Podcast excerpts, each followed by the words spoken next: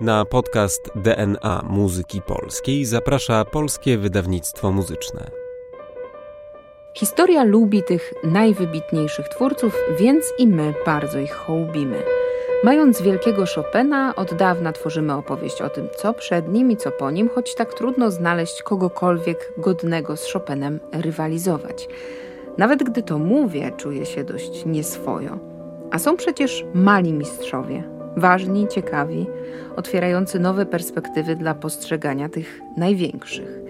Dziś o jednym z takich właśnie małych mistrzów opowie Piotr Sałajczyk, a bohaterem tego odcinka będzie Władysław Żeleński i jego muzyka fortepianowa.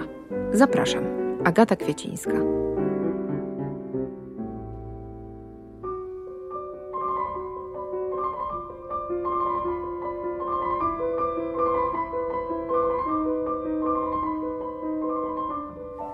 Piotr Sałajczyk y, jest gościem dzisiejszego y, podcastu DNA Muzyki Polskiej. Y, pianista poszukujący to jest dobre określenie?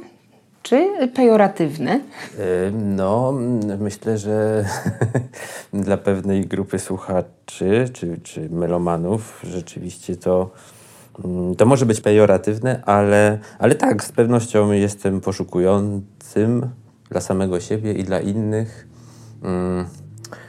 Mam nadzieję, że moje znaleziska znajdą odbiorcę, bo to właśnie czasami jest problem, typ, że nie można znaleźć odbiorców na znalezisko. To znaczy publiczności, która chciałaby tego tak, słuchać, tak? Tak, tak. To znaczy, że to jest ciekawe dla, dla, dla, dla niewielu osób po prostu, dla garstki.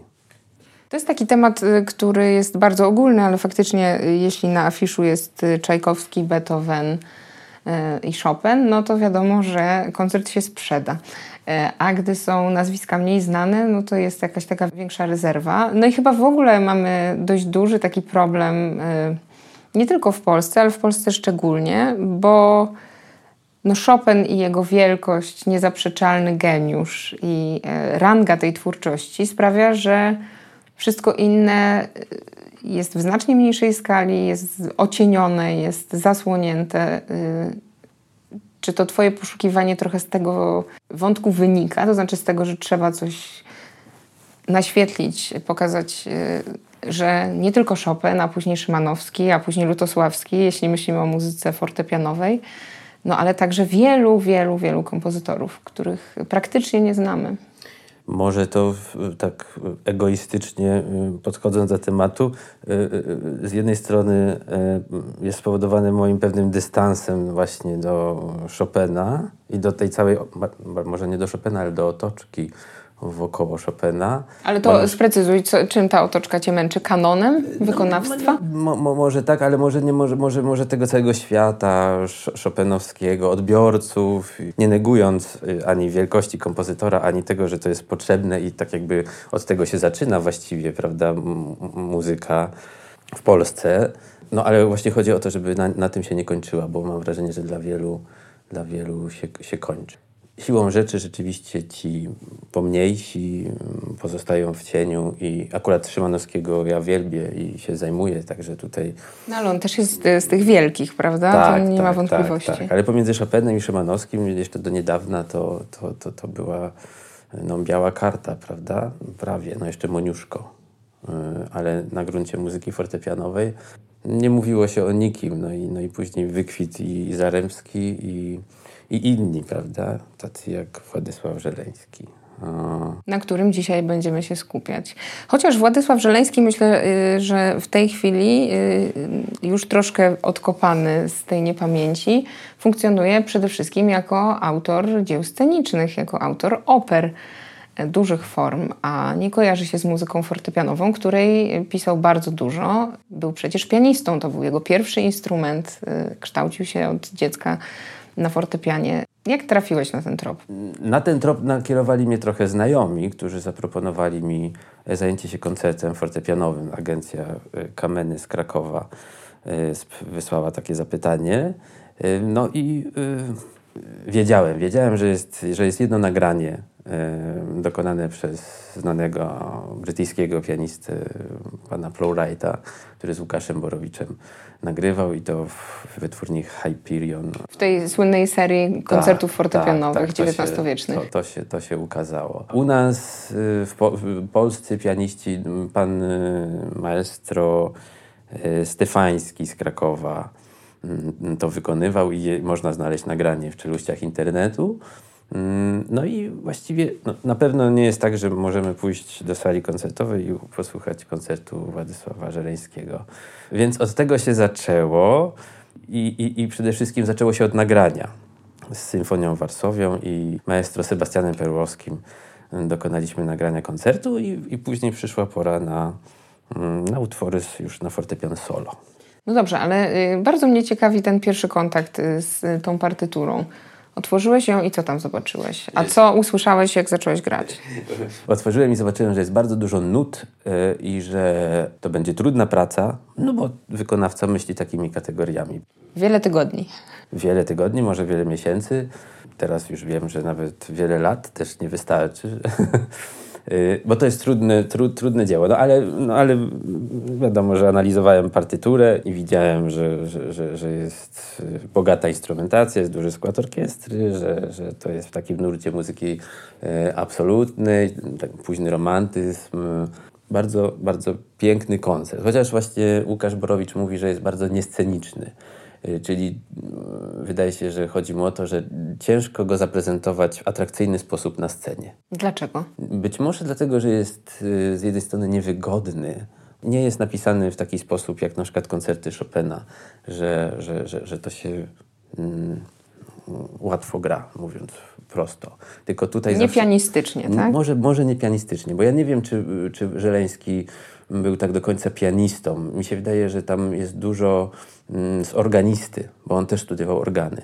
I, i jest dużo takich kontrapunktycznych elementów. Yy, jest dużo w lewej ręce też takich fragmentów, właśnie jakby trochę on myślał w sposób, jakby grał na organach. Na pewno, na pewno są elementy wzięte z, z faktury organowej. A też trzeba powiedzieć, że Żeleński Mm, był bardzo przywiązany do form i do, i do stylu klasycznego, w, sensie komponowania.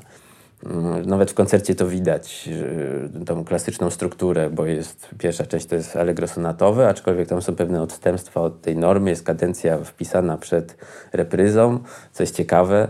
E, druga część to jest temat z wariacjami. Właściwie też no, tak się komponowało w, w wieku XIX, prawda, w wieku roman romantyzmu. Później jest rondo, mm, gdzie jest fugato. Znamy fugata z twórczości Brahmsa i nie mógł sobie odmówić przyjemności też Żeleński, żeby tam fugata nie wpisać. Też jest dużo pianistyki w cudzysłowie, wielkiej pianistyki, y, oktawy podwójne, tercje. No, taki jest najeżony różnymi elementami, które trzeba pokonywać w toku, w toku, w toku utworu i to z lekkością, prawda? Nie, żeby nie było, nie było słychać trudu i znoju. No a y, jeśli się patrzy na tę muzykę w takim kontekście muzyki polskiej tamtego czasu, no bo y, to jest istotne, żeby powiedzieć, że Żeleński to jest taki kompozytor, który żył niezwykle długo, więc on się rodzi w roku 1900, 1800 oczywiście 37, czyli jeszcze w czasie życia Chopina, e, a umiera w roku 1921, gdy już Karol Szymanowski jest całkowicie rozwiniętym tak. i władającym tutaj życiem kompozytorskim w Polsce y, człowiekiem, postacią taką bardzo charyzmatyczną. Tak. E, więc to jest taka biografia, która no, y, wiele dekad obejmuje i to chyba w tej muzyce fortepianowej już y, solowej, którą się mocno zająłeś, bardzo mocno widać, prawda? Bo to są na przestrzeni całego życia właściwie pisane kompozycje. Tak, rzeczywiście. Koncert fortepianowy to jest rok 1902. To już jest początek XX wieku. To jest niesamowite. Ale to jest też ten czas, kiedy Paderewski, prawda? Paderewski jest młodszy o 20 kilka lat od Żeleńskiego, a jego koncert fortepianowy, mówię o Paderewskim, no właśnie też jest jeszcze bardzo, bardzo romantyczny. Także to to, to mi, się, mi, się, wydaje, że, że tak jakby to, no to jest ten nurt powiedzmy. Tak, to jest muzyka taki, XIX wieku. Tak, tak, tak. Natomiast jeśli tak patrzeć na utwory fortepianowe, to rzeczywiście tam się dokonuje ewolucja. Mi się wydaje, że specjalnie to widać w tych początkowych opusach, które, które są takie bardziej klasyczne i tam czuć, że kompozytor się uczy, jak dobrze ująć w, w formie pewne pe pewne sprawy. I co ciekawe, sonaty są wczesne. Jest taka młodzieńcza, studencka, opus piąte. Sonaty są dwie yy, fortepianowe, późniejsza jest opus, opus 20. No i oczywiście jest cała paleta form też XIX-wiecznych, ale, ale mi się wydaje, że tutaj właśnie to mi się podoba też w Żeleńskim, że on nie, nie lgnie tak bardzo w stronę to, co tam nawet współcześni uważali, że to jest niebezpieczne, żeby tak folklor bardzo y, traktować bezpośrednio, prawda? Tu, tu mi się wydaje, że Żeleński y, y, zna to niebezpieczeństwo i nawet jeśli komponuje mazurki, bo komponuje, to bardziej widać w tych utworach na, na cztery ręce, bo tam też, jest, też, też są takie cykle tańców oczywiście, muzyka użytkowa, no to co, to, co nie, nie ominęło pewnie nikogo w tamtym czasie ale, ale tu w tych utworach na fortepian solo to, to bardziej y, czuć jednak może ten świat kultury niemieckiej, prawda, że, ten to, że ton nadawał Żeleńskiemu Schumann, Mendelssohn, to były myślę jakieś takie wzorce, może nie wzorce, ale na pewno inspiracje.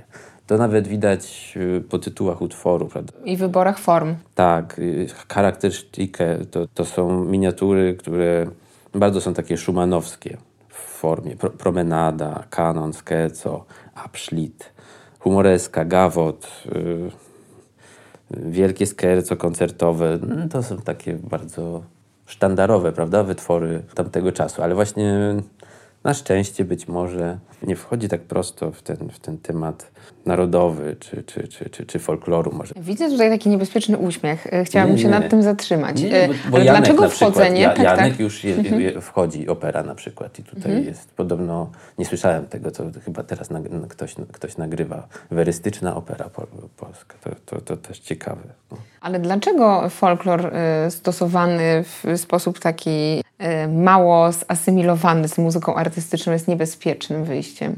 Może dla mnie, może to, to jest ale moje, to jest istotne, to jest ale właśnie osobiste zdanie.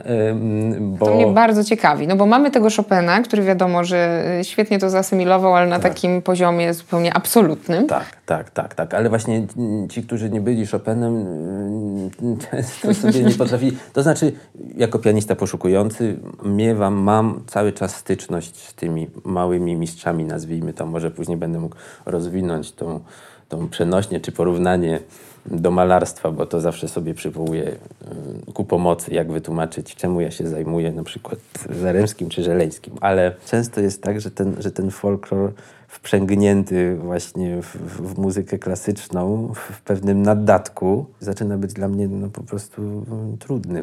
Ale dlaczego? Dlatego, że to jest próba jakiegoś takiego podczepienia się pod jakiś konkretny sztandar, czy takiego wpisania się w nurt tej muzyki narodowej? No bo wiadomo, że połowa XIX wieku to jest ten czas szkół narodowych yy, i to w całej Europie się dzieje. No oczywiście są tacy jak Brahms, którzy są od tego daleko, chociaż też potrafi się zabawić tańcami węgierskimi. Tańcami węgierskimi. No ale na przykład jak weźmiemy Paderewskiego album Tatrzańskie i tam ten folklor gularski jest podany tak bardzo bezpośrednio, że no niestety mm, nie, nie, nie, nie, nie, wolałbym nie oceniać wartości tego, ale wydaje mi się, że, że, że, że to już jest zbyt, zbyt takie podane na tacy po prostu przez kompozytora i, i i to jest właśnie to niebezpieczeństwo, mhm. o które mi chodzi.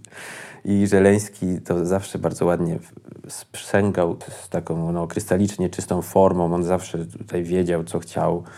Nawet, nawet w taki akademicki sposób podchodził, wydaje mi się, do kompozycji. Był przywiązany do pewnych norm i schematów.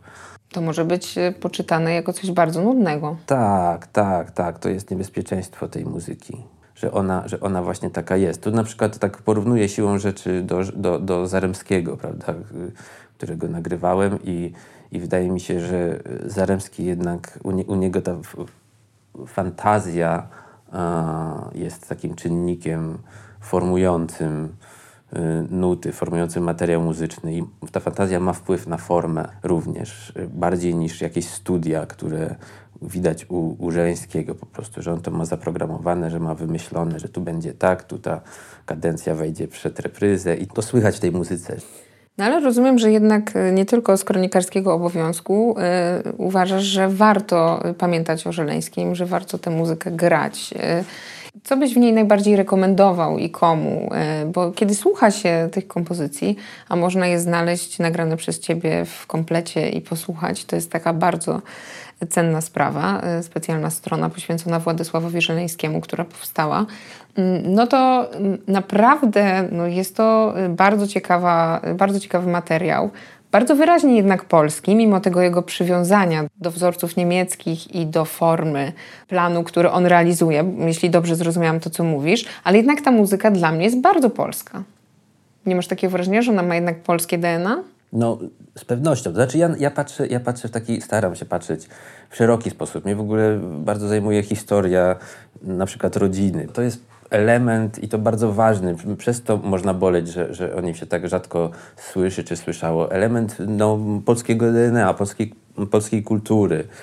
Y, poczynając od ojca Żeleńskiego, który tam zginął w rabacji galicyjskiej, później te, te straszne wypadki się pojawiają w, w weselu Wyspiańskiego, cięcie piłą, prawda? Jest, myśmy, myśmy wszystko zapomnieli, mego dziadka piłą rżnęli. To, to wypowiada z kolei postać, która mogłaby być synem Żeleńskiego, czyli bojem żeleńskim na przykład. To jest wspaniałe, to, to, to po prostu ta łączność y, elementów polskiej kultury i sztuki i, i, historii. i, i historii w jedną całość, bo drugi syn na przykład Żeleńskiego tworzył wit witraże, to znaczy produkował witraże według, według planów Matejki, Mechofera, to można zobaczyć w Krakowie. To, to wspaniałe, on zginął w, na froncie I wojny światowej. Był adiutantem generała Rozwadowskiego i we wspomnieniach Rozwadowskiego się, się pojawia też. Więc tutaj te duże nici i małe nitki gdzieś tam się splatają i to mi się podoba. I takie nagranie mm, całości i, i, i to, że to jest na stronie poświęconej Żeleńskiemu,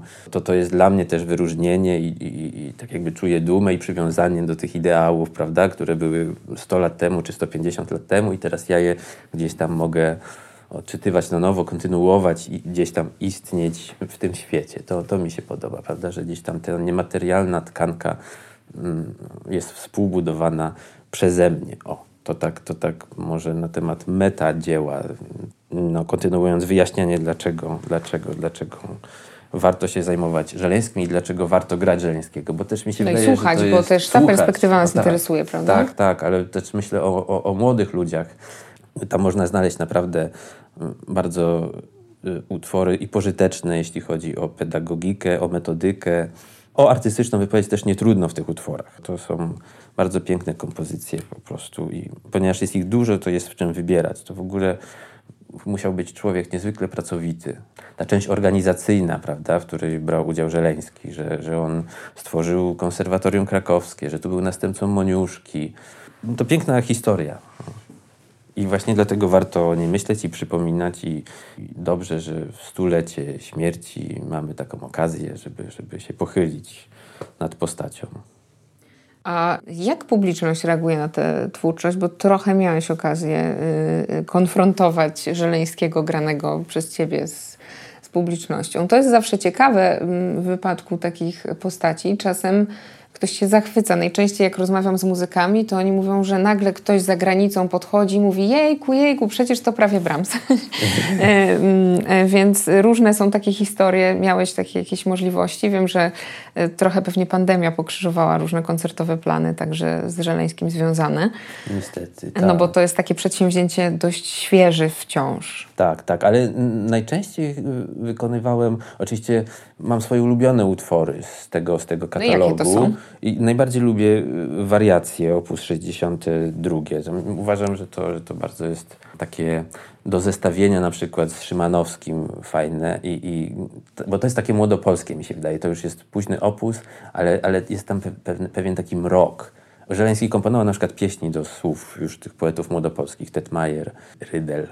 A, a tutaj czuję, czuję, że to, to, to gdzieś tam ten świat to był też, to mógł być świat młodego Szymanowskiego, który też skomponował w tej samej tonacji wariacje. Bardzo lubię wariacje i je wykonuję właśnie mm, podczas recitali.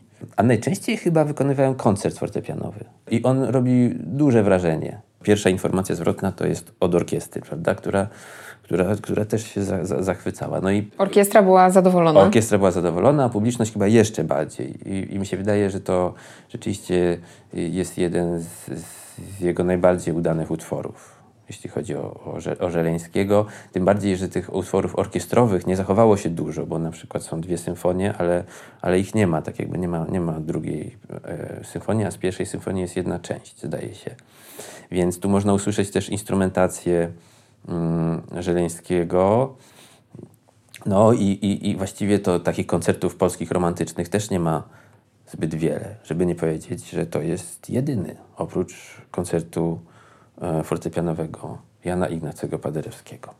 A wcześniej są koncerty Chopina, które są, wiadomo, młodzieńcze i w, i w odmiennym stylu, więc taki, taki styl późno-romantyczny to, to, to, to, to jest jedyny utwór. Na szczęście też trzeba powiedzieć, że jest konkurs muzyki polskiej w Rzeszowie i oni tam mają w finale na przykład zaprogramowany koncert Żeleńskiego. I to jest to jest też dobry objaw, że, że, że, że, student może, czy uczeń się, się go nauczyć i wykonać. Chciałabym wrócić do tego wątku małych mistrzów, e, bo wyczuwam w tym takie trochę tłumaczenie, trochę takie takie e, tutaj śmiech Piotra Sałajczyka, Nie. bezgłośny, trochę próbę uzasadnienia, ale jest z tym duży problem. By posłużyć się tym anachronicznym określeniem na zachodzie, już od dawna i wytwórnie płytowe, jeszcze kiedy płyty miały się świetnie, ale też ci, którzy programują koncerty, zajmują się kompozytorami tego drugiego czy trzeciego rzędu. I to nie jest wartościujące, tylko no, po prostu są te największe nazwiska, ich jest tam z 30 a później są ci, których y, muzyka jest równie dobra, tylko z różnych powodów no, nie była wykonywana. U nas cały czas mam takie wrażenie, że musimy się z tego trochę wytłumaczyć, że dlaczego, dlaczego taki Piotr Sałajczyk nie gra tego Chopina, a gra tego Żeleńskiego. Koncepcja małych mistrzów bardzo mnie interesuje. To, to nie jest tłumaczenie, to jest raczej zachęta, to jest próba powiedzenia przyjdźcie na koncert, to, to jest naprawdę bardzo ciekawe. Zresztą jeszcze przed pandemią akurat grałem takie recitale e, zaprogramowane przez Instytut Muzyki i Tańca, gdzie była sama taka muzyka. No i nie wiem, czy mogę się podzielić takim osobistym doświadczeniem. Koniecznie. Ale w jednej z filharmonii, gdzie grałem taki recital. Ale to tam był Lesel, Zaremski i Żeleński? Tak, dokładnie. Lesel, Zaremski, Żeleński, Szpilman, Weinberg. Taki był program recital. No i, no i prawie nikt nie przyszedł. No było pięć osób na sali kameralnej.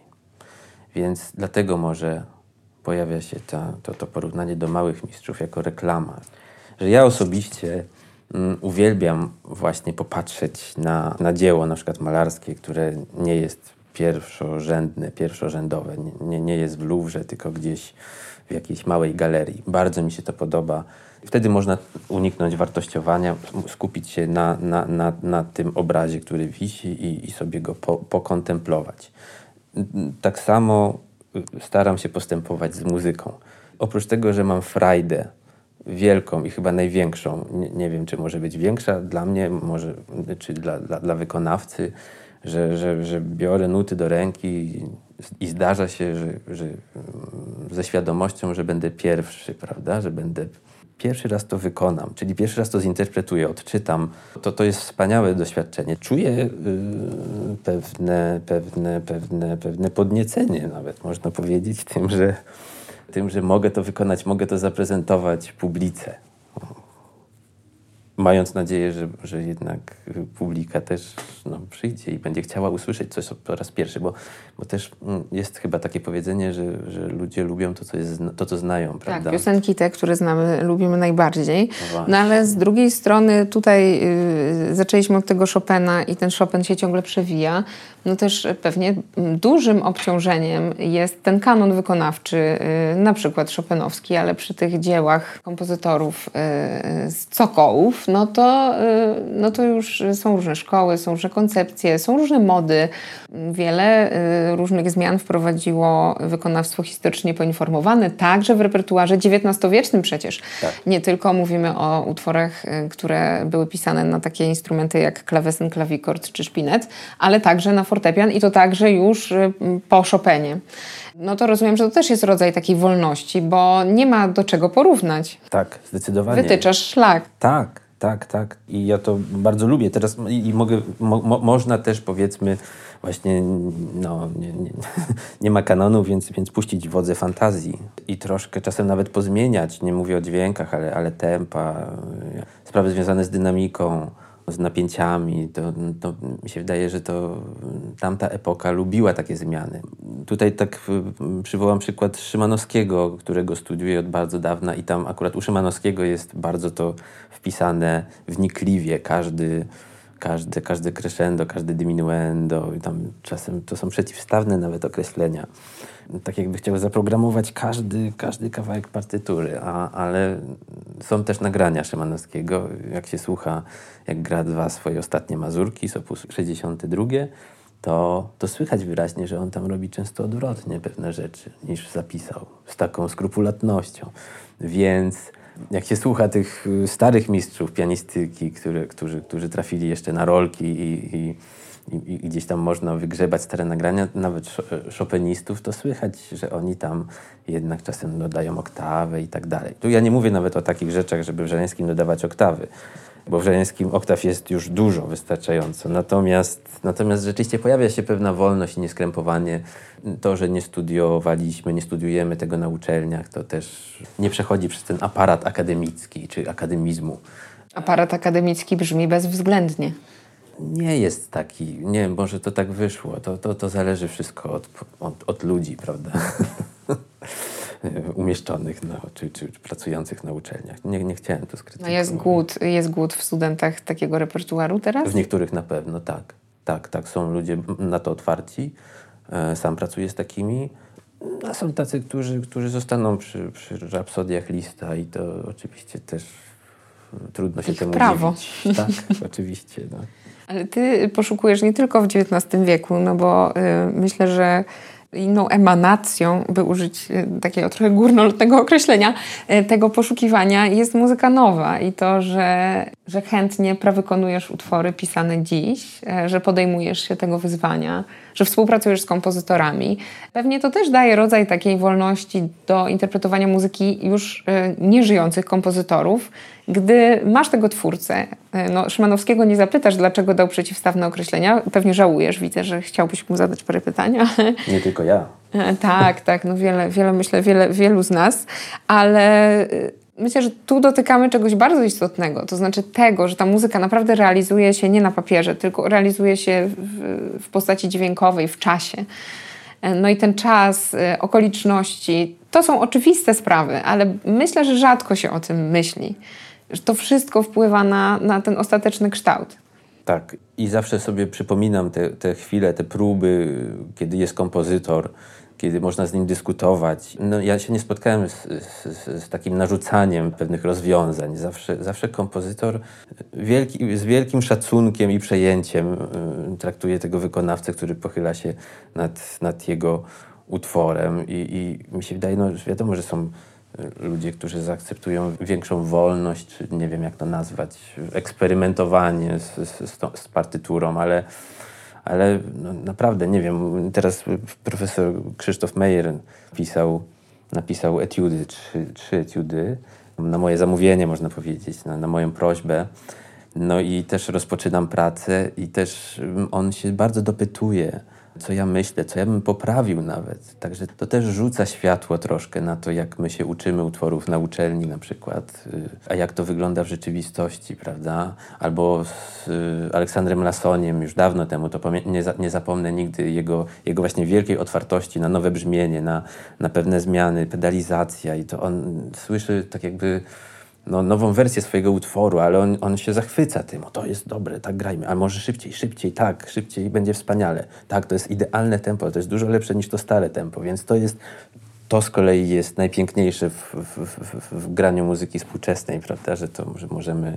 No, że jesteś a, twórcą, chyba tak, o to tak, chodzi, prawda, że nie jesteś po prostu... ulegająca zmianom no i to, to mi się podoba, to mnie zajmuje najbardziej też chyba w tym życiu muzyka wykonawcy, czy twórcy, odtwórcy, nie wiem, jakiegoś Właśnie ogniwa. Ogniwa, ogniwa tego y, wychodzenia utworu na na światło dzienne, a raczej na uszy. Tak. uszy dzienne czy nocne, to już, to już e, do Państwa e, decyzji pozostawiamy. Czyli co? Mali mistrzowie koniecznie. Jest jeszcze ktoś, o kim myślisz, że coś tam się znajdzie fortepianowego ciekawego? Myślę o muzyce polskiej. Um, Masz jakieś, kogoś na horyzoncie, kogo będziesz nagrywał, zaglądał tak, do partytur? Tak, tak, tak. Zajmuję się już od pewnego czasu, ale teraz otrzymałem szansę i, i będę nagrywał płytę z sonatami fortepianowymi Weinberga. I to mnie teraz zajmuje bardzo. Tam jest moje, moja dusza zwrócona mocno w, te, w, te, w, te, w rejon ten smutny i tragiczny. To jest muzyka najpoważniejsza z poważnych. To, to jest genialna. Na razie się skupiam na trzech pierwszych. On napisał sześć sonat. Mam nadzieję, że, że, że, że wyjdą dwie płyty. W tym roku musi wyjść, ma wyjść, ma się pojawić pierwsza płyta z sonatami od 1 do 3. Na tym mi bardzo zależy i na tym się skupiam i, i tam i studiuję mocno um, partytury i, i myślę i czytam i chodzę. No teraz w Warszawie nawet ulicą Weinberga możesz tak, się przejść. Tak, Nie wiem, tak, czy wiesz. Idę, wiem, wiem, wiem, wiem. To od kilku dni właściwie. Od kilku prawda? dni, tak. Tak, tak, że Weinberg, y, że powraca do Warszawy, y, tak. to jest wspaniałe. I mam wrażenie, że tutaj jeszcze faktycznie wszyscy mamy bardzo dużo do odkrycia. Akurat jeśli chodzi o utwory fortepianowe, to, to właściwie to jest najmniej znany chyba rozdział twórczości Weinberga i najmniej taki artykułowany. A przecież sam był pianistą i świetnym w dodatku i wróżono mu wielką karierę i te nagrania, które się zachowały, na przykład jak gra kwintet fortepianowy z Borodin Quartet, są, e, są świetne. Są, no, te początkowe opusy właśnie fortepianowe, teraz, teraz, teraz nad nimi pracuję i to jest naprawdę genialna muzyka. Ale to chyba nie jest mały mistrz. Nie, mi się wydaje, że nie.